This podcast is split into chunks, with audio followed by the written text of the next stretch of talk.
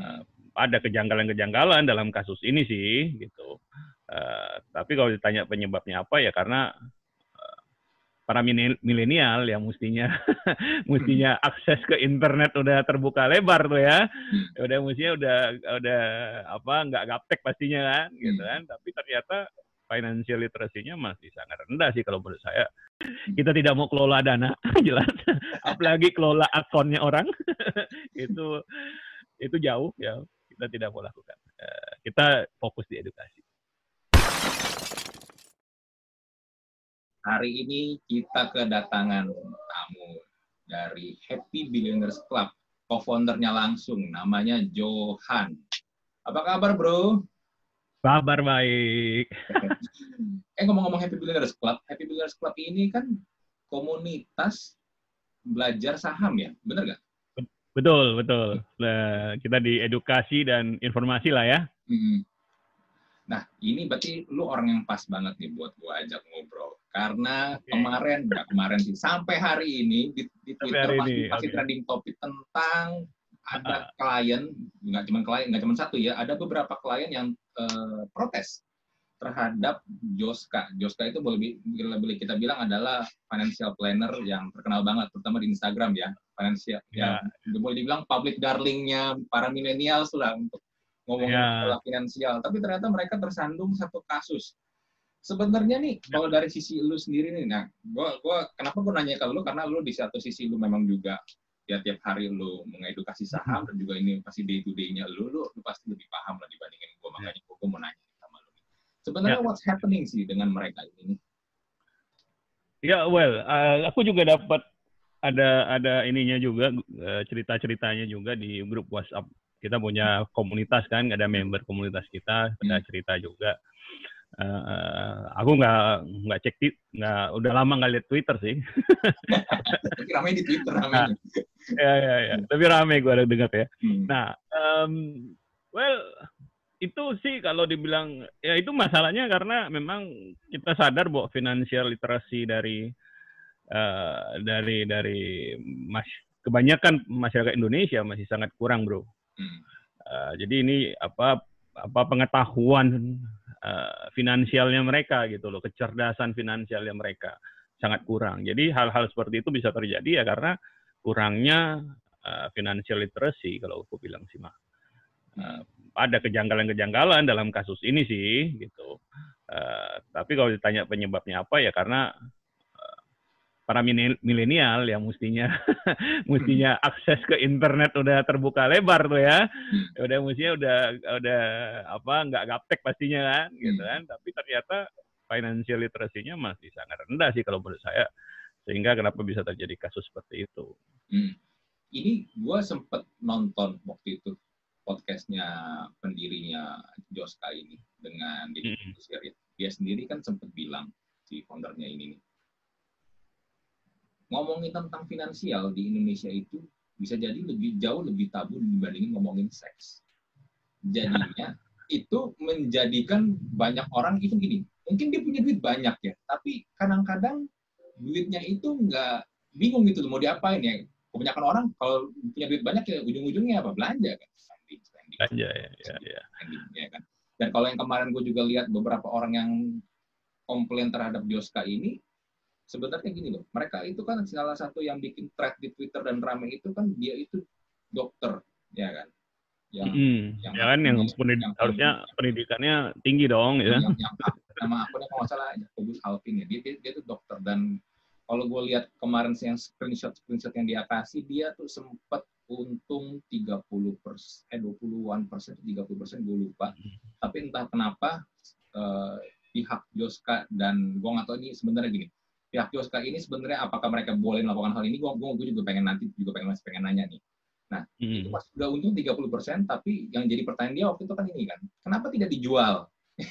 ya kan? 30% itu kan gede ya. Kenapa kenapa tidak dijual? Dan kalau tadi ketika gue lihat di screenshotnya pun sebenarnya itu untungnya juga udah puluhan juta. Dan akhirnya sampai dia loss sekitar 70 persenan ya kalau nggak salah. Nah, dan itu ya, ya udah jadinya juga mau mau gimana? Tinggal 13 jutaan kalau nggak salah duit dia yang flop. Ya kosnya? Yeah. Well, uh, kalau aku baca sekilas, dan dengar baca-baca beritanya juga, aku rasa ini praktek yang begini bro. Jadi si klien memberikan akses akunnya kepada timnya si Joska ini, ya kan? Boleh bro. Eh, boleh, boleh nggak boleh sih boleh aja. Karena akunnya lu gitu kan mau dikasihin ke orang lain ya boleh aja dong. Tidak ada aturan yang melarang. Apalagi ya. dengan nggak maksudnya nggak bisa dilarang gitu kan hmm. kayak uang lu mau dikasihkan ke siapa pun kan hak lu loh ya misalnya gue punya duit kan? kasih gue kasih ke lu eh lu lu kelola duit eh, lu punya account ya kan lu punya account bank sekarang kan misalnya hmm. eh bro eh, misalnya lu bilang ya istri lu misalnya lu atau siapa pun keluarga nih apa hmm. lu biar gampang transfer transfer atau lu mau pakai pakailah gitu kan kan urusan lu hmm. ya kan urusan si pemilik account boleh dilakukan tentunya apa tidak salah hmm dan uh, tentu itu bukan hal yang bijaksana. ya, masa akunnya lu lu kasih ke orang lain gitu kan? Plus plus uh, tapi itu yang dilakukan bahkan pakai perjanjian pula. Iya, kan iya, berarti iya. hitam di atas putih kan bahwa iya, iya. saya so, dengan kurang lebih kan saya gua nggak baca uh. ya gua nggak baca kontraknya lah ya tapi gua membayangkan pasti kurang lebih menyatakan bahwa gue pemilik akun ini uh, apa menyerahkan akun ini untuk dikelola oleh siapa gitu atau oleh uh, perusahaan apa gitu kan. Hmm. Nah intinya sih secara kalau gue gua awam gue nggak bisa bilang man, apakah ada celah hukum dan sebagainya. Jelas gue nggak hmm. ngerti hukumnya tapi hmm. Uh, secara logika istilahnya lu udah nyerahin lu punya akun gitu kan kepada orang lain secara sukarela. Hmm. Nah apa pun yang dia lakukan posisi lu lemah kalau gue bilang sih mah ya kan nah tapi makanya sumbernya kalau menurut gua kenapa akun itu diserahin gitu kan itu kan akunnya lu uangnya lu lu nggak mungkin mau sepercaya apa sih sama orang sehingga lu sampai menyerahkan akunnya yang berisi uang itu hmm. kan itu uang beneran bro ya kan akun saham kan isinya uang bro yeah, ya, untuk dikelola orang lain nah secara kan dia nggak bisa disalahin lu udah serahin ke dia hmm. untuk dikelola oleh dia Nah, tapi bisa jadi mungkin karena banyak orang emang nggak ngerti, bro. jujur ya. Kalau ngomong saham, ngomong-ngomong saham, saham itu kan banyak banyak stigma stigma negatif. Salah satunya yang paling terkenal adalah saham judi, ya kan. Saham itu ya, susah. Ya. Apa sih kalau ngomongin tentang saham, baca chartnya tuh naik turun naik turun itu ada yang merah, ada yang hijau itu tuh apa banyak orang banyak orang nggak paham gitu.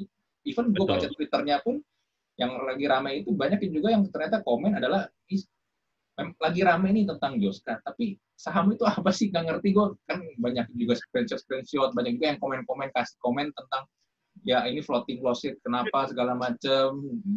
Ini kesempatan gue promosi tentang saham ya. ya maybe, maybe, maybe, maybe, maybe, lu, maybe lu mungkin bisa well, share kali. Well, ya, ya itu kenapa kita ada Happy Billionaires Club juga, ya kan hmm. kita buat Happy Billionaires Club karena hmm. kita sadar uh, orang nggak banyak tahu, ya kan, dan kita ingin memberikan edukasi yang uh, tepat gitu ya. Hmm. Nggak gampang, nggak gampang kita maksudnya ini perjuangan bagi kita untuk menjelaskan secara tepat kepada orang lain gitu. Uh, kita misalnya di Happy Bonus Club kita ada grup WhatsApp gratis, Bro. Oke. Okay. Nah, itu pertanyaan dari paling basic sampai gimana cara jual beli saham pakai aplikasinya gimana ya kan bahkan ada yang nanya kita bilang oh install aja pak dari Play Store apa tuh Play Store katanya.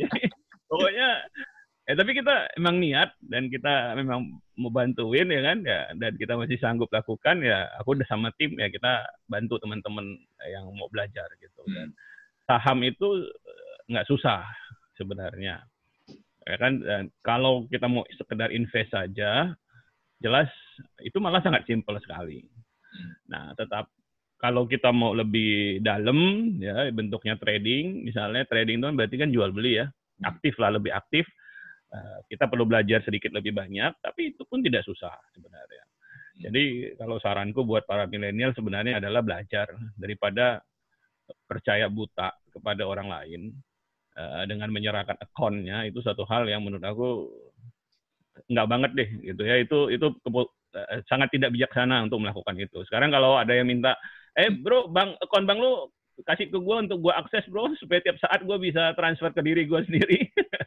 ya kan lu kan nggak mau lah iya yang ada total duitnya bisa aja hilang ya ya itu itu itu itu practically itu yang dilakukan kan hmm. akun saham hmm. yang lu udah isi uang lu udah udah taruh uang di sana hmm. hmm. serahin pada orang lain. Hmm. Tolong kelola, ya kan?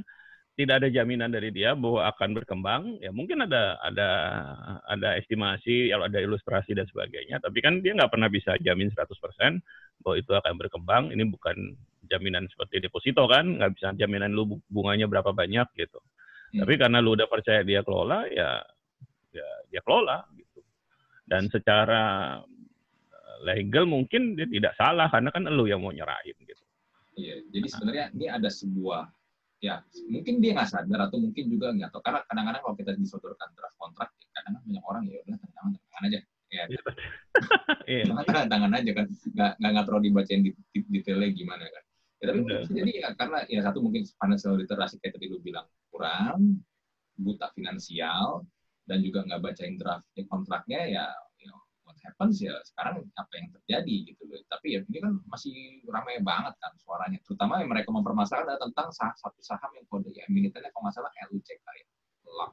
Ya, LAK. Dan, dan, dan, dan, dan, dan banyak yang bilang itu adalah saham gorengan karena setelah habis sahamnya kalau nggak salah nah, belum lama IPO ya. Kita bisa kita bisa berdebat soal itu kan. Tapi sekali hmm. lagi kan karena akunnya udah diserahin ya mau gimana gitu kan.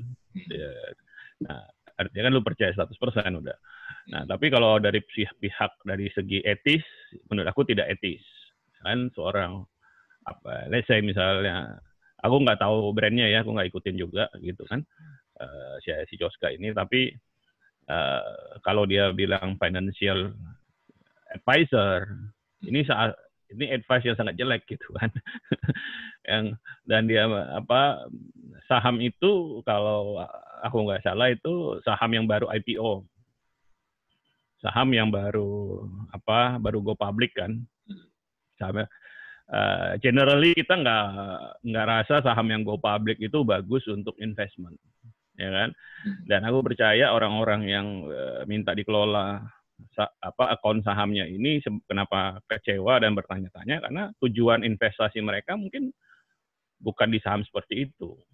Yeah.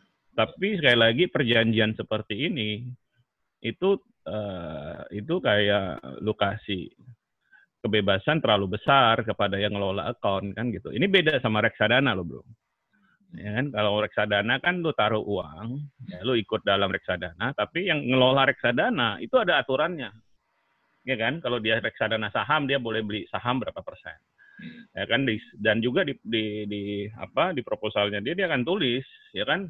Saham yang kita akan pegang ini sekian persen di sini di sini di sini gitu kan? Lu bisa meneliti lu bisa dan mereka nggak boleh keluar dari apa yang mereka proposalkan itu. Hmm. nah sebaliknya uh, kalau misalnya lu beli reksadana pasar uang nah berarti kan porsi sahamnya kecil. Kebanyakan di obligasi kebanyakan di uh, deposito gitu kan Nah, lu tahu apa yang lu beli gitu kan sebenarnya reksadana aja udah ada batasan-batasan aja sering kali orang masih kecelek gitu. Yeah.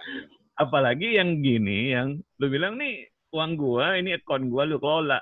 Nah, it is this is very unwise. Itu sangat-sangat uh, tidak bijaksana. Yang bisa terjadi karena kita nggak ngerti sering kali ya aku bisa menduga yang menyerahkan akunnya nggak ngerti gitu kan ya, hanya percaya dengan brandnya aja mungkin hanya karena lihat di Instagram aja mungkin gitu ya. Uh, jangan dilakukan sih sebenarnya itu. Pokoknya jangan. Kembali pada itu. Ya. nah, ya, ya, ya, logikanya lah ya. Pokoknya apakah mungkin ya akun bank kita kita saing sama orang lain kan gitu kan? Hmm. ini gue jadi ingat kayak apakah ini jadi mirip kayak kasusnya Jordan Belfort ya sih yang di Wall di Wall, Wall Street itu? Well uh, ya tentu film itu kan lebih ini ya lebih lebih dramatis uh, banyak ada dramatis ya aku juga baca buku gitu kan kan kurang lebih mirip ya Iya, kalau itu sih kan mereka memang kalau itu juga memang mereka ceritanya kan ngelola dana juga ya kalau gua nggak ya, salah inget tuh ya. Ngelola dana. Ngelola dana juga dan kemudian lihat ada ada kesempatan untuk mereka uh, untuk seperti itu, hmm. gitu. Ya, again kembali pada ini sih bro, kembali pada uh, mentor gua ya mentor gua hmm. dia empat lima puluh tahun di trading saham ya. dia gue inget banget tuh satu satu kali dia apa uh, di satu kali dia celut uh, celutukan gini don't let other people manage your money. Dia punya uang ngatur sendiri gitu ya, jangan hmm. biarkan orang lain untuk ngaturin gitu. Nah, hmm. betul juga ya. Dalam hal ini betul juga. Meskipun dia juga manage uangnya orang. Tapi kan at dia balik lagi tadi pertanyaan gua. Kan memang banyak orang nggak ngerti bagaimana cara mengatur keuangan mereka. Even kayak mengatur misalnya gini, gue dapat gaji, dapat penghasilan sebulan, misalnya gini sepuluh yeah. juta, pos-posnya ke mana, itu kan banyak orang hmm. nggak hmm. paham kan. Gue harus apa dulu nih. Kadang-kadang kenapa akhirnya orang sampai bisa berhutang banyak, kartu kredit segala macam ya karena nggak ngerti kan cara melakukan pos-pos posnya gimana gitu, membagi-bagi posnya. Well, this the kan itu itu the whole uh, topic of financial management kan. Jadi kan gede itu bro. Kalau mau bilang bicara budgeting lah nah bicara gimana kita earning more than we spend gitu kan. Kalaupun kita ambil kredit pastikan kredit itu produktif dan sebagainya lah. Banyak lah yang uh, kita bicara itu harusnya financial advisor justru justru mengedukasi itu nah uh, kita aku biasa ngajak ngajarin orang aku nggak bahas ke bagian-bagian apa budgeting dan sebagainya karena memang bukan bidangku. Hmm. Tapi aku biasa ngajarin orang untuk sisihkan 10% at least dari dari penghasilanmu untuk investasi. Hmm. Kalau kamu memilih investasi saham ya tekuni investasi saham itu. Ya kan? Investasi saham punya keuntungan tuh. Uh, karena kalau kita mau invest di properti, 10% yang kita sisihkan itu mungkin nggak kebeli itu properti gitu ya. nah, uh, tergantung, tergantung kan, tergantung, tergantung penghasilannya. Tetapi kalau saham kan terjangkau, ya kan, sesuai penghasilan kita aja, 10% kita misalnya 300 ribu pun bisa beli saham BRI misalnya, saham yang bagus. pun bisa beli saham BRI. Bisa, ya kan Saham Indofood kalau nggak salah 900 ribu. Ya kan, sepanjang orang Indonesia masih makan Indomie, ya Indofood harganya akan naik lah. ya kan? Nah, saham BCA misalnya tentu harganya lebih besar, tapi uh, tapi intinya kita bisa uh, keuntungan investasi saham adalah harganya lebih terjangkau oleh siapa pun sebenarnya, lebih kebanyakan orang lah at least, ya. Eh, dan bisa kita lakukan. Sebenarnya enaknya sebenarnya bisa kita lakukan sendiri. Hmm. Nah, jual beli saham itu kan mungkin lebih susah jual beli di toko online daripada jual beli saham. nah, toko online mesti eh, apa masih harus ngecek delivery pilih kliknya lebih banyak daripada beli saham bro. Beli saham klik beberapa kali tap tap tap udah beres gitu. Uh, gampang sebenarnya jual beli saham hanya orang nggak ngerti. Kita bisa ngajarin di grup WhatsApp free kita ngajarin malah uh, ini cara tapi yuk kita ngajarin orang mesti dengerin kita ya menurut arti kita bilang nih caranya buka akun dulu. Buka akun sekarang juga bisa online full online uh, nggak nggak usah ngisi kertas macam-macam lagi ya bisa online nah dia udah jadi lalu kamu taruh uh, kalau di partner sekuritas kita minimal deposit 100 ribu udah diaktifin dia punya akunnya 100 ribu loh bro jadi gini, jadi gini ya, sorry bro potong jadi misalnya gini gua hmm. gua gua sebagai orang awam gua pengen buka akun ya. akun gua pengen beli saham ya kan berarti gua ya, datang ya. ke sekuritas nggak perlu datang. Gitu karena bisa oh, online. Maksud, gini, maksudnya cari sekuritas gitu kan, cari sekuritas. Betul, betul. Lo harus punya akun di perusahaan sekuritas. sekuritas. Karena lo hanya bisa jual beli saham melalui perusahaan sekuritas perusahaan sekuritas. Oke. Jadi sekuritas apa pun lah ya yang yang memang terdaftar dan Apa? ada izin untuk melakukan ini ya, uh, ya. bisnis untuk uh, investasi ini. Ya. Betul, betul. Punya izin di OJK. Ya. Oke, izin OJK itu tuh itu, itu udah paling penting lah ya. ya. Oke, terus uh, lalu kalau misalnya ini mau ingin memulainya, biasanya nah mulai ini, mulai kayak tadi lu bilang, nanti lu tinggal download aja aplikasinya nih. Biasa kan biasa kan kalau para sekuritas itu udah punya aplikasi-aplikasi. Tinggal download aja nih aplikasinya. Oke, gue download. Habis itu masuk teng ke layar yang tadi gue bilang banyak ada chartnya, ada angka, angka yang gerak cepet banget. Gue yakin kalau misalnya gue sebagai orang awam, gue bakal bingung banget itu apaan. Gue harus gimana? Gue harus ngapain? Ini ngapain? Ini apa gitu loh. Nah, apakah nanti memang sekuritas atau misalnya gini, gue datang ke sekuritas, gue gue udah buka, apakah sekuritas akan membantu atau akan ada orang yang akan membimbing? Karena biar gimana pun ya itu tadi di satu sisi gue juga udah taruh duit, tapi gue juga bingung duitnya harus gimana. Nah ya, uh, pertanyaan bagus nih bro. Karena uh, sekuritas nggak akan ada uh, tentu tentu perusahaan sekuritas beda-beda servisnya ya beda-beda ya, ya. servisnya. Tentu kalau uang kita besar, kita nanya tentu akan lebih dijawab. Gitu. Iya. Kalau di bank pun kita pun akan di, akan dibantu kan. Ini loh Pak, kalau ya. buka bisa buka tabungan nanti kita kasih fasilitas internet banking, cara pakai gini gini gini gini. Kita dikasih tahu lah at least lah. Iya kan? Nah, gimana kalau sekuritas? Kalau kalau cuma sekedar gimana cara ap pemakai aplikasinya. Itu sih tidak sulit. Dan biasanya mereka ada video di YouTube, ada video tutorialnya. Lu tanya ke yang jaga di kantornya, customer service-nya juga pasti akan di, bisa diajarin. Itu nggak masalah sebenarnya. Kalau secara teknikal gimana baca, uh, ya secara teknis gimana pakai aplikasinya lah ya, gampang. Nah yang yang memang lebih sulit kan adalah mengajarkan mengajarkan si orang yang baru mulai ini mengenai cara berinvestasi yang baik atau kalau dia mau lebih dalam bagaimana cara trading yang baik, nah itu kan perlu effort. Hmm. Nah, kebanyakan, aku bilang kebanyakan karena pasti aku nggak bisa ngomong untuk semua ya. Kebanyakan sekuritas uh, meras uh, tidak sampai memberikan effort sejauh itu karena mereka kan untung dari biaya komisi, bro. Oke, okay. komisi. Nah, setiap komisi kali kita tarik beli saham ya. Ya, dari jual beli saham. Dan itu kecil, 0,15 persen sampai 0, 20% mungkin. Jadi lu transaksi satu juta, si sekuritas cuma dapat 1.800 rupiah. nah, itu transaksi sejuta nanyanya dari eh, ujung barat ujung ke ujung timur gitu kan capek dia kan nah, itu apa boleh buat memang uh, biasanya mereka suka ada bikin kelas-kelas dan sebagainya sih untuk untuk ngajarin pemakan ininya tapi kalau edukasi secara intensifnya nah dari sekuritas kadang-kadang mereka kerjasama juga dengan bursa efek. Dulu masih belum zaman corona masih bisa bikin seminar mereka ada bikin kerjasama untuk ngajarin.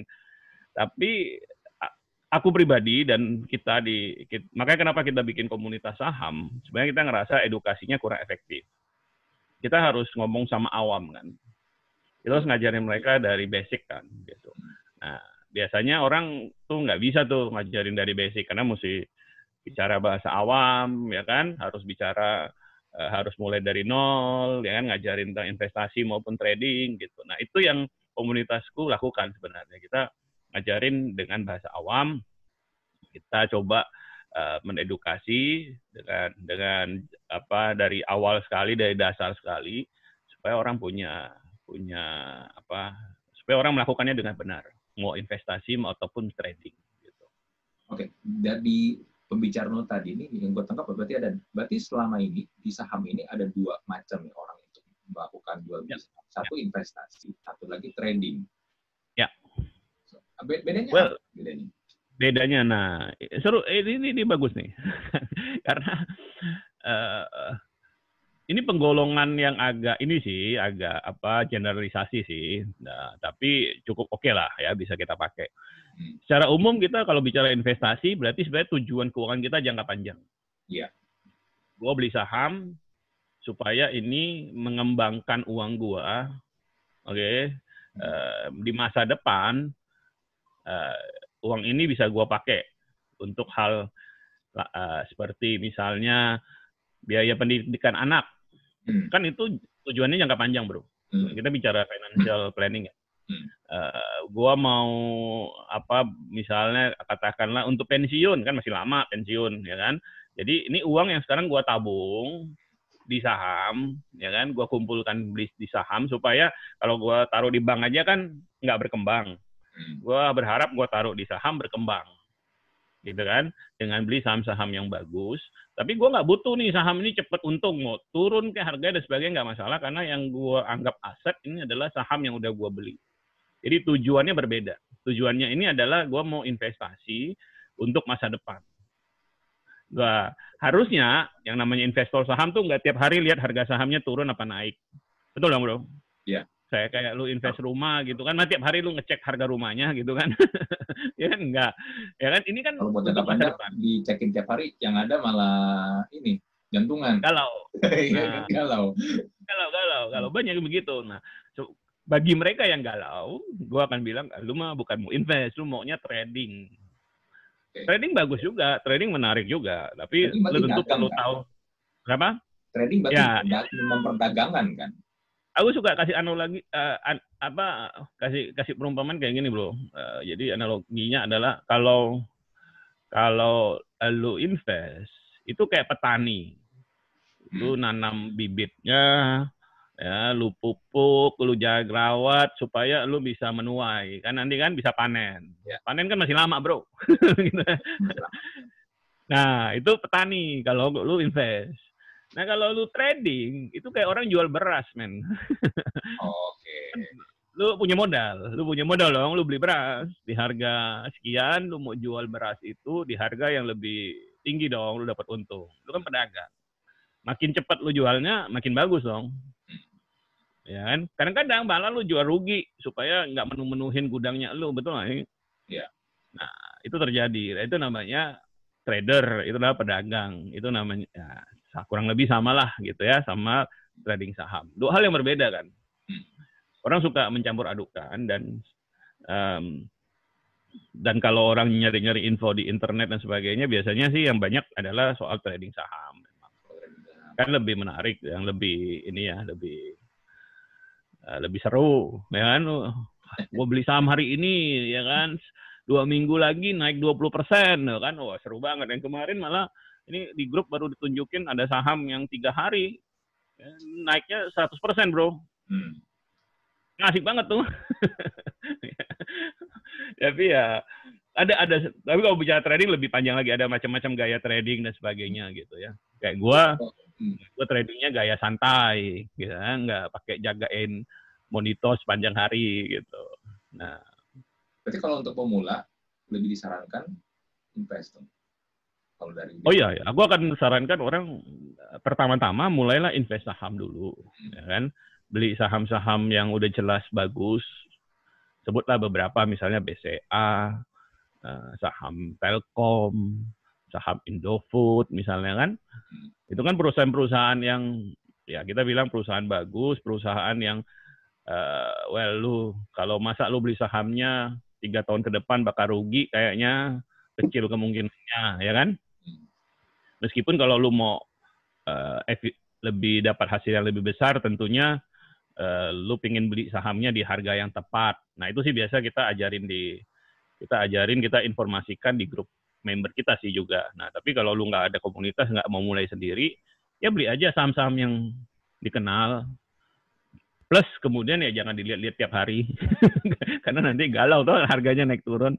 Nah, uh, ya udah tunggu ya untungnya udah lumayan lu jual gitu. Nah, itu kalau, cara gampang. Nah, kalau ini tadi kita ngomongin saham, saham, saham, saham, saham. Nah, sebenarnya ya pertanyaan yang mungkin banyak orang juga nggak tahu jawabannya saham itu sebenarnya apa sih Oke, oh, ini kembali lagi nih. Iya, saham kembali ke nol, nol. Oke, kita kita back back to tadi kita cuma ngobrol banyak. Yeah. Nih, kalau misalnya kita mau coba ya, bagus bagus bagus. Oh, ini, ini, to, ini saham ini kalau kita bikin kalau kita bikin grup WhatsApp ini eh, apa itu pembahasan pertama kita apa itu saham? iya, apa sih sebenarnya saham itu? Karena kan kita, kita, kita bilang kan saham itu banyak orang bilang ah saham itu betul betul. Itu saham well, Mudahnya begini, uh, gampangnya begini, saham itu uh, adalah bukti kepemilikan perusahaan. Bukti kepemilikan. Nah, dalam hal ini yang kita bicara ini adalah bukti kepemilikan perusahaan yang sudah go public. Biasanya kalau kan kalau di Indonesia ada tulisan TBK di belakangnya yeah. terbuka. Itu saham-saham itu berarti perusahaan itu sudah go public, sahamnya sebagian sahamnya sudah dijual untuk umum. Hmm. Eh, umum artinya kita bisa ikut beli gitu kan? Berarti gue secara secara orang luar sebagai masyarakat ketika gue membeli saham suatu perusahaan, berarti sebenarnya gue punya andil, punya kepemilikan terhadap perusahaan tersebut. Hmm. Walaupun, walaupun meskipun cuma seberapa persen kecil aja mungkin ya. Sebentar 0,000 sekian persen lah gitu ya. Hmm. Contoh, dan kau berhak gitu kan datang ke biasanya mereka bikin setiap tahun ada bikin RUPS misalnya. Hmm. Meskipun kau cuma megang satu lot sahamnya, kau berhak datang ke hmm. RUPS. Ya kalau dia bikin di hotel bintang 5 lumayan dapat makan gratis, Bro. nah, karena kau pemilik perusahaan meskipun cuma punya satu lot yang sekian 0,00000 sekian persennya itu gitu ya. Nah, karena kau karena apa yang kau beli itu itu adalah kepemilikan perusahaan. Itu aset lah. Nah, jadi kalau kita mau membayangkan itu itu itu itu harta kan memiliki saham itu harta dan kalau kita punya saham itu itu juga kita laporin di kalau kita ngisi SPT tahunan tuh, ya, isi pajak itu kita juga laporin ini saya punya saham gitu karena itu harta kita sama seperti kita punya rumah, punya tanah kan mesti laporin. Itu harta. Nah, kita punya jadi uh, jadi kalau Anda beli saham sebenarnya kita beli uh, kepemilikan dari perusahaan. Beli kepemilikan di perusahaan. Yang memang karena ini dijual di pasar, harganya bisa naik dan turun. Naik dan turun tergantung dari uh, permintaan dan penawaran biasanya gitu. Nggak beda sama kayak di kalau lagi lebaran harga ayam naik. Kenapa naik? Karena yang mau beli ayam banyak, yang mau jual ayam terbatas, ya kan? Supply dan demand. Ya. Sama kalau lagi panen cabai, harga cabai turun. Kenapa? Karena yang apa suplainya banyak, tapi permintaannya tetap aja gitu kan. Nah, harga saham naik dan turun juga karena supply dan demand. Semua orang mau jual saham yang sama, suplainya banyak toh. Maka yang beli ber, punya kekuatan untuk beli di harga bawah kan. Iya. Nah, ketika dia terjadi transaksi, nah itulah harga sahamnya gitu, turun. Hmm. Ya itu panjang bro, dikit demi sedikit ya. it's okay, it's okay. Karena karena ya gue uh, gue gini gue gue tertarik tentang saham segala macam tapi ya uh, balik ya. lagi banyak sebenarnya hal-hal yang kita sebagai masyarakat awam orang awam kan sebenarnya nggak paham kan akhirnya ya, ya. ujungnya ya ketika rugi apalagi ruginya gede banget ya jadinya kecewa dan akhirnya ya berkali saham ternyata judi makanya sebenarnya kan gue pengen tahu dari lu nih apalagi lu kan mengedukasi orang-orang untuk berinvestasi saham. Ya. Nah. ya berarti saham itu adalah tanda kepemilikan terhadap suatu perusahaan. Which bukti, is, bukti. Ya, bukti, bukti kan, bukti kan. Which is berarti kan kita jadi punya kesempatan untuk an, punya andil, punya kepemilikan terhadap suatu perusahaan. Dan itu which is good ya kan. Jauh banget jadinya kan dari stigma itu sampai judi. Betul. Well, aku uh, akan bilang orang bilang saham itu judi karena nggak kenal saham, karena nggak tahu saham itu apa. Hmm. Karena kalau kita tahu uh, tidak bisa aku rasa sangat jauh dari definisi judi itu gitu ya.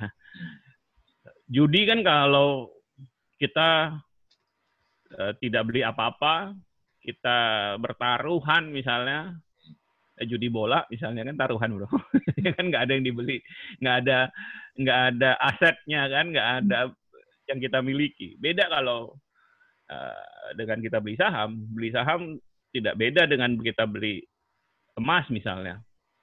Hmm. Emas juga harganya bisa turun, bisa naik kan. Ya, ya tentu tidak seperti saham, ya, tapi sama aja kita beli sesuatu yang berharga. Nah, kita beli saham, kita juga beli sesuatu yang berharga. Nah, tetapi itu perlu digarisbawahi. Uh, untuk investasi, kita harus beli sesuatu yang berharga. Gitu ya. Ini harus digarisbawahi itu berharganya. Jadi jangan beli saham yang perlu saham perusahaan yang nggak jelas. Kayak ya dong? kemarin LUCK. nah, ya, aku nggak tahu apakah uh, nggak benar nggak jelas atau cuman karena dia memang baru IPO saja, ya kan dan sebagainya. Tetapi uh, uh, secara umum kita nggak akan mau investasi di saham-saham yang baru IPO karena kan resikonya besar, bro. Ini perusahaan baru, baru hmm. baru IPO, ya kan baru go public, belum ada track recordnya toh. Ya. Kita nggak tahu apakah pasar uh, investor mau beli saham ini, nggak tahu juga. Hmm. Ya kan? Nah, kita nggak kenal lah intinya lah ya. Nah, apakah perusahaan ini akan bagus? Ya kan? Mungkin dia bilang, oh selama ini bagus, oke. Okay. Tetapi ke depannya bagaimana? Gitu kan? Jadi beli saham IPO itu lebih spekulatif. Hmm. Aku nggak akan bilang judi sih, karena tetap yang kita beli ada nilainya tapi spekulatif. Ya kan kita kita kita kita sebenarnya ngambil resiko yang terlalu besar untuk investasi. Tentu investasi kita akan milih saham-saham yang lebih jelas toh. Kenapa nggak milih saham-saham BCA, Telkom, BRI, Indofood misalnya kan Unilever lah atau apa saham-saham yang semua orang tahu gitu kan perusahaan-perusahaan yang semua orang tahu gitu ada istilah saham gorengan sebenarnya apa sih saham ya. gorengan itu okay. Nah, orang ini ini ini istilah Indonesia nih ya karena di luar nggak ada namanya saham gorengan ya karena kemarin maksud, istilah saham gorengannya juga rame di ya. pas kemarin Well, sebenarnya kan maksudnya gorengan itu adalah uh, harganya dimanipulasi. Bisa dimanipulasi. Bisa dimanipulasi. Kan tadi harganya tergantung supply dan demand tuh. Ya. ya kan? Kalau aku punya banyak sahamnya, aku ya kan, misalnya aku megang sebagian besar sahamnya atau uh, memegang porsi cukup besar dari sahamnya dan tiba-tiba aku mau jual semua, apa yang akan terjadi dengan harganya? turun dong ya. Hmm. Kalau misalnya aku misalnya masuk, aku bilang uh, aku punya banyak uang, terus aku bilang aku mau beli sebagian besar dari sahamnya, harganya apa yang akan terjadi? Akan naik. Naik harganya. Kan?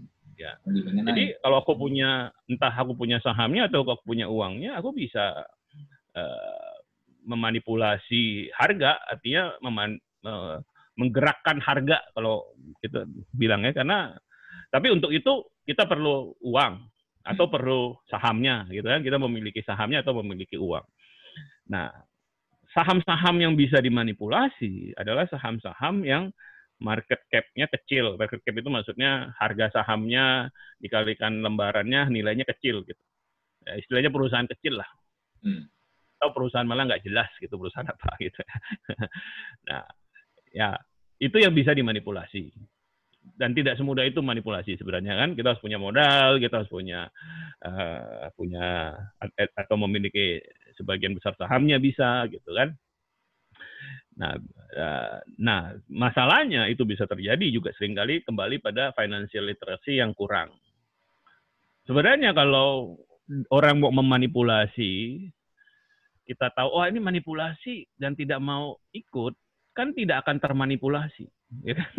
dan rencananya kan gagal juga dia kan?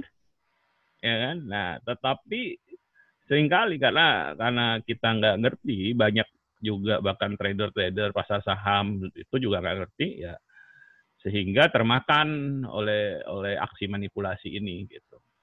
Di mana di pasar mana pun eh, kita bilang big player atau institutional player itu ada bicara tentu kalau misalnya kita bicara pasar saham Amerika itu aturannya lebih ketat.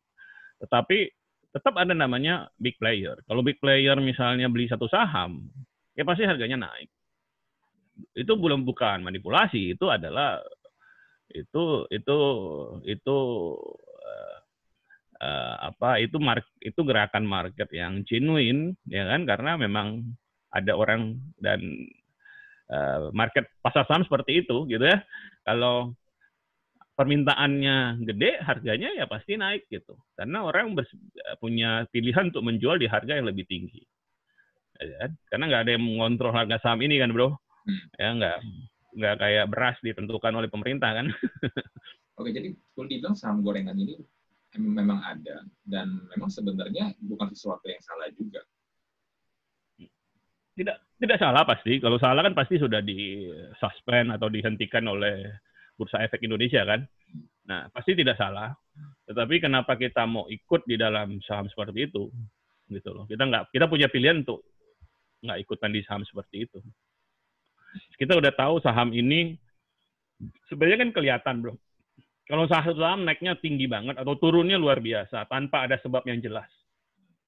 Ya, kan? kita sudah bisa menduga bahwa ini saham dimanipulasi harganya. Nah, kita bisa memilih untuk nggak ikutan, gitu kan? Uh, ada banyak saham-saham lain yang jelas kan, ada 700, hampir 700 saham aku rasa di pasar saham Indonesia, kenapa ikut yang begitu? Nah kalau luck termasuk yang begitu, gue juga heran kenapa mau ambil yang begitu, kan? Nah, gitu bro. Ya. berarti gini, selain selain memang saham itu bergerak karena memang tadi lu bilang eh, memang ada faktor orang yang menggerakkan. Sebenarnya ada faktor apa lagi sih yang bikin saham itu bisa naik turun? Karena kadang-kadang kalau kita lihat naik turun itu bisa ya contoh ya misalnya kayak corona kemarin itu yang gue lihat adalah membuat saham-saham pada pada turun semua habis-habisan. Apa nah, ya. memang bisa, bisa mempengaruhi sebegitunya kan? Bahkan kadang-kadang gini, kadang-kadang kalau kita pikir pakai akal sehat sebagai seorang awam, ini kan pandemi, ini kan saham. Sebenarnya nggak terlalu relate kan? Kenapa tiba-tiba jadi turunnya jauh banget? Ya, aku mau meluruskan pandangan nih. Banyak hmm. orang berpikir takut invest saham maupun trading saham karena takut nanti dimanipulasi bandar, ya kan? Hmm. Digoreng gitu kan, seakan-akan uh, semuanya jelek. Hmm. Aku bilang ada yang jelek seperti itu. Tapi kebanyakan nggak seperti itu. Hmm sebenarnya Indo uh, les kita ngomong uh, kita ngomong bahwa perusahaan-perusahaan di Indonesia banyak yang bagus, bro.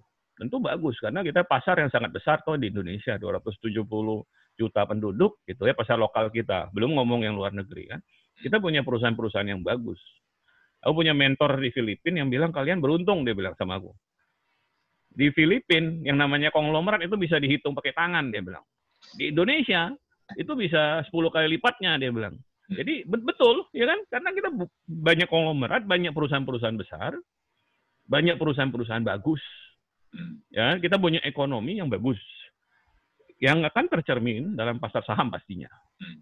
Nah, kalau kita bicara misalnya Indofood, kita bicara misalnya uh, eh, BCA lah. Aku sebut nama-nama yang orang kenal lah ya. Telkom misalnya, yang yang Telkomselnya dipakai di seluruh Indonesia ya kan sampai ke pelosok-pelosok. BRI misalnya yang yang yang kantor cabangnya itu sampai ke desa-desa. Ini perusahaan-perusahaan bagus, Bro. Hmm. perusahaan-perusahaan yang sahamnya sangat bernilai. Oke, kita nggak um, ya, kita nggak bisa fokus pada beberapa aksi manipulasi aksi perusahaan-perusahaan kecil ini yang memang mereka coba cari celah bisa menutup mata terhadap perusahaan-perusahaan ini yang sebenarnya bagus, perusahaan-perusahaan besar ini. Kita mau uh, investasi saham adalah kita mau mengambil keuntungan dari pertumbuhan perusahaan-perusahaan ini. Hmm. Ya, coba bayangkan dengan uang 900 ribu, lu sebenarnya memiliki, lu bisa memiliki Indofood. Berarti kan lu jadi partner dari konglomerat bro, betul nggak? Ya, ya, ya, sekian persen gitu. Kongsian kan, misalnya udah kongsian nih ceritanya kan gitu.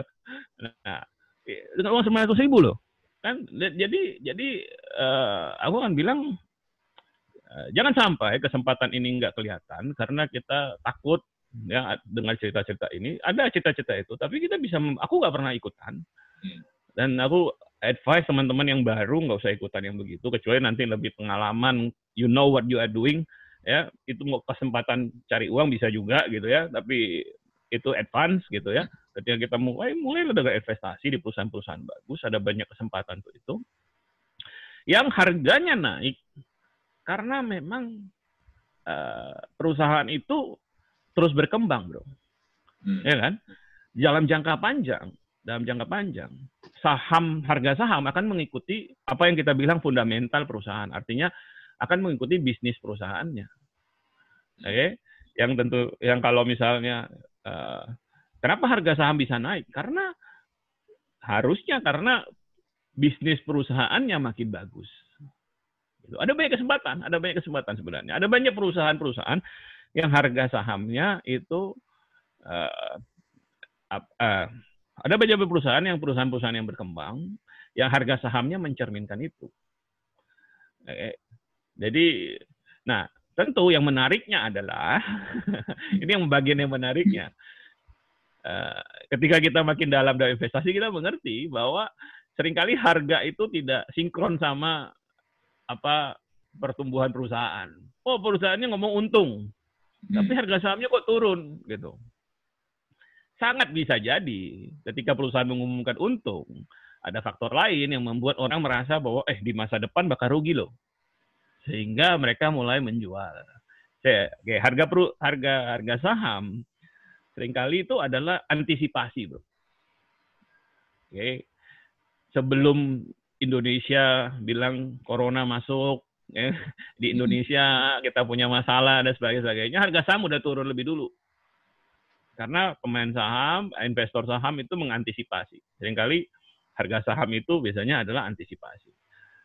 Oh ini apa uh, kita masih banyak yang meninggal karena COVID, kenapa harga saham bisa naik terus? Sekali lagi antisipasi. Ya, kan? karena kita mengantisipasi, oh ekonomi akan pulih karena ada vaksin yang sudah mulai memberikan hasil positif dan sebagainya dan sebagainya. Itu lebih panjang lah ya, lebih panjang. Tapi aku mau cerita bahwa uh, jangan kita tidak memanfaatkan investasi saham atau bahkan trading saham karena uh, ada ada ada ketakutan nanti harganya dimanipulasi. Karena itu sebenarnya hanya sebagian kecil sekali yang seperti itu. Itu sebenarnya faktor X-nya banyak banget ya sebenarnya.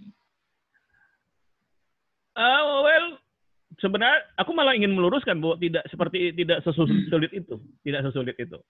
Jadi uh, investasi saham maupun trading saham ada metodenya. Dan sebenarnya simple metodenya tidak sulit. Aku bisa ngajarin orang untuk trading dalam dua hari, kita ngajarin basic, dari basic sekali sampai dia ngerti kurang lebih gimana cara untuk melakukannya gitu. Hmm. Dua hari, kayak seminar dua hari gitu. Uh, tidak sesulit itu. Dulu aku juga berpikir begitu, bro. Dulu aku juga pikir, wah ini saham mah faktor hoki gitu ya. Faktor ini kalian bisa untung mah mestinya hoki gitu. Nah, nah, nah, bukan, enggak. Itu sekarang aku sadar bahwa ada metodenya ada metodenya dan ada ilmunya, ada caranya, dan bukan rocket science, bukan sesuatu yang sangat sulit untuk dipelajari. gitu. Nah, ada pertanyaan menarik nih. Kemarin sempat ngobrol sama orang seorang. Apakah dengan kita trading saham atau dengan berinvestasi saham itu bisa menjadi kita ngomong seperti full time. Jadi ada istilah trading for living. Ah ya, pertanyaan menarik, pertanyaan menarik. Apakah memang bisa? Jadi ini dijadikan pekerjaan utama karena kalau pernah dengar cerita kan ada seseorang dulu kerja di sini gini gini gini terus dia berhasil terus akhirnya dia coba investasi atau trading saham ternyata berhasil akhirnya dia resign dia resign dan akhirnya dia, dia bisa hidup hanya dengan hanya trading saham dan investasi saham is it possible well, possible possible possible dan banyak orang melakukannya uh, dengan persiapan Oh, Oke, okay. ini nah, persiapan kalau besok, bawah ya. Ya, kalau hari ini hari ini mau berhenti kerja, besok mau langsung full time trading saham, aku nggak anjurin. Ya, ya. Apalagi kalau punya keluarga, punya anak, ya kan, punya tanggungan, oh itu nggak advice. Kita nggak nggak nggak anjurkan itu. Um, jadi gini, uh, mentorku bilang, dia bilang begini. Aku aku sampai hari ini ingat dia bilang, if you trade, ya, trade trading saham, if you trade to put bread on the table, you will lose. Jadi kalau kamu trading supaya bisa hidup, hmm. ya, kamu akan rugi. Ya, kamu akan, kamu pasti rugi katanya. Maksudnya sebenarnya bukan artinya kamu nggak boleh trading buat hidup gitu ya, boleh aja. Tetapi jangan trading di bawah tekanan. Kalau punya anak, ya sekolah, mesti bayar cicilan rumah. Cicilan mobil, ya kan? dan nggak ada sumber lain selain hari ini lu mesti trading. Nah, itu pasti lu tradingnya jelek. Itu pasti hasilnya jelek. Karena trading di bawah tekanan. Ya kan? Lu memaksakan trading meskipun nggak ada opportunity untuk trading. Oke. Okay? Nah, kalau seperti itu pasti pasti rugi. Tanya semua trader yang benar, mereka akan kasih tahu bahwa kamu nggak bisa trading di bawah tekanan, memaksakan trading nggak bisa. Kita trading kalau ada opportunity. Kita nggak ngontrol pasar, tapi ketika kita lihat di pasar ada kesempatan, di saat itulah kita trading. Nah, berarti kan kita bisa melihat kesempatan. Kesempatan itu nggak bisa kita kontrol. Kita nggak bisa paksakan kesempatan itu. Nah, uh, kalau orang mau full time trading atau trading for living, nah, apa yang aku anjurin? Pertama, aku akan anjurin nabung dulu. Supaya selama ketika kamu mulai full time trading, enam bulan sampai satu tahun, kamu nggak hidup dari hasil trading. Hidupnya dari tabungan. Kan beda dong. ya. kau, kau udah punya dana nih. Trading, ketika kamu full time trading, hasil tradingnya itu untuk tahun depan. bukan untuk besok, bukan untuk bulan depan. Nah, kalau bro, jadi lu bisa nunggu gitu. Ah, tahun depan. Nah, tiap tahun akan ada kesempatan-kesempatan itu datang. Ada saat-saatnya opportunity datang, kamu bisa untung gede, ya mungkin 100% dari modal yang diberikan ya bisa lebih ya ada yang bilang ten bagger tuh bisa sampai 1000% gitu ya. Ada kesempatan-kesempatan itu. Tetapi kalau kamu trading di bawah tekanan nah kamu juga akan sulit untuk mengambil kesempatan itu juga. Jadi trading itu kalau mau full time trading yang paling penting adalah siapkan dulu untuk tidak hidup dari trading nah, gitu loh itu agak-agak lucu ya. ya ya itu di luar kalau di luar kita bicara bahwa sudah pasti kita asumsi kau udah ngerti, udah punya pengalaman sebelumnya, udah apa, sudah terbukti metode yang lu pakai itu bagus gitu kan. Hmm. Nah, ya, baru kau bisa bilang gue mau full time trading. Jadi bukan uh, frustasi karena bos gue di kantor gue nggak suka, gue berhentilah besok gue trading saham aja gitu. itu keputusan yang tidak bijaksana. ya karena karena kenapa gue gue gue mau coba gue mempertanyakan hal ini karena ya kemarin gue sempat ngobrol sama seorang temen trading for living ini gue gue ngeliatnya gini loh kayak tadi lu bilang kan kalau memang ya lu memang nggak punya pemasukan apa apa lagi atau lu nggak punya bumper lah uh, untuk dana lu sendiri sehari-hari kalau ketika lu langsung terjun gue ya itu tadi gue ini kan ibaratnya kayak misalnya lu ajakan orang untuk lu harus resign dari kantor dari kerjaan kantor lu keluar dari comfort zone lu lu harus usaha sendiri. Tapi kan kadang-kadang ya lu keluar nggak ada persiapan kan jadinya lu kayak perang tanpa senjata tanpa Betul. ini tanpa defense kan. Betul. Lu kalau misalnya keluar dari kantor hari ini bangun bisnis baru, kan lu juga perhitungkan bisnis lu kapan bisa mulai menghidupi lu kan gitu. I iya iya, asal hitung-hitungannya sebenarnya. Nah, ya. Betul. Plan yang sama. Ya, berarti berarti ini possible ya. Tapi tentu saja dari kayak lu bilang harus ada pertimbangannya, perhitungannya dan juga betul bumpernya itu harus harus harus stable at least satu tahun lah ya at satu tahun ya jelas dan dan jelas bukan orang yang masih baru hari ini baru belajar trading besok dia udah mau full time gitu kan pasti jangan gitu. At least bilang kalau orang yang datang ke aku terus bilang dia mau full time, aku bilang kamu selama ini tradingnya gimana, gitu kan? Hmm. Hasilnya berapa persen, gitu kan? Konsisten nggak, gitu? Metode yang lu pakai seperti apa, ya kan? Nah, itu mesti jelas dulu. Uh, kamu yakin kamu bisa uh, dapatkan hasil yang konsisten sebelum kamu mulai. Hmm. Oke, okay, bro. Sekarang kalau gua atau mungkin ada orang lain yang nonton atau yang dengar podcast ini pengen belajar saham sama lu hmm. dan komunitas Happy Business Club, uh, gimana caranya? Ah, oke. Okay. Kita agak-agak kita pasang iklan pasti. Kalau lihat iklan kita, tolong diklik aja. uh, Nah, um, well mungkin nanti paling gua, gampang gua, gua, gua akan taruh link, gua akan taruh link di, di ya, YouTube. Nanti kita share, aku share link YouTube ya. ya ah. kita ada YouTube channel satu dan ke Instagram kita juga bisa. Nah, DM kita aja ya, kita kita akan arahin. Kita biasa buat bagi yang sama sekali baru, silakan gabung WhatsApp grup kita. Kita bikin WhatsApp grup. Kenapa kita pakai WhatsApp grup? Itu masih media yang paling merakyat kayaknya. ya kan? Dan cocok lah untuk pasar kita lah, untuk untuk target kita orang-orang yang mau karena nggak semua uh, target kita uh, it, apa untuk untuk mereka yang mau belajar saham itu kan nggak semuanya savvy juga gitu kan. Jadi ya WhatsApp grup bagi kita saat ini paling cocok meskipun ya lemah ada kelemahannya rame banget di WhatsApp grup gitu kan ya apa boleh buat gitu tapi kita komunikasi banyak di WhatsApp grup satu Eh, nanti kita undang ke WhatsApp grup kita. Plus kita selalu ada workshop sih. Setiap bulan kita bikin workshop online juga. Mulai dari investing. Nah, ketika orang lebih nyaman, dia bisa belajar trading juga. Hmm. Ada biayanya nggak, bro? Ini juga penting nih. Ada biayanya nggak? Uh, WhatsApp group free. WhatsApp group workshop free. ada sedikit. Hmm. Uh, 197 ribu workshop. Ya, murah lah buat belajar. Ya ya biar orang komit ya bro kalau kita gratis orang yang yang ikut juga belum tentu muncul gitu ya ya ya betul ya soalnya kalau ya. nggak kita charge kadang-kadang ya itu ya benar nggak mau susah komit susah komit ya ya itu aku aku sadar juga dan kita juga bikin membership ada biayanya karena supaya orang juga supaya dia sungguh action gitu Hmm. Ya, jadi uh, dia bikin keputusan gue mau mulai invest karena gue udah bayar nih komunitas dapat informasinya ya gue harus pakai nih karena udah bayar gitu lah. Harus dipaksa dulu lah ya di awal ya. Well, mendorong lah ya. Iya. Push, push, push, push, push, ya, ya, didorong, didorong supaya uh, ini juga kan kebiasaan loh, kebiasaan. Uh, mungkin ya, aku dulu, aku ingat dulu kalau belum waktu belum kenal saham, susah banget nabung bro. Ya, uang selalu habis. Hmm. Kenapa susah nabung? Karena nggak menarik nabung itu kan. Nabung kita udah setengah mati nggak mau beli apa yang kita mau beli gitu kan. Menahan keinginan kita taruh di tabungan.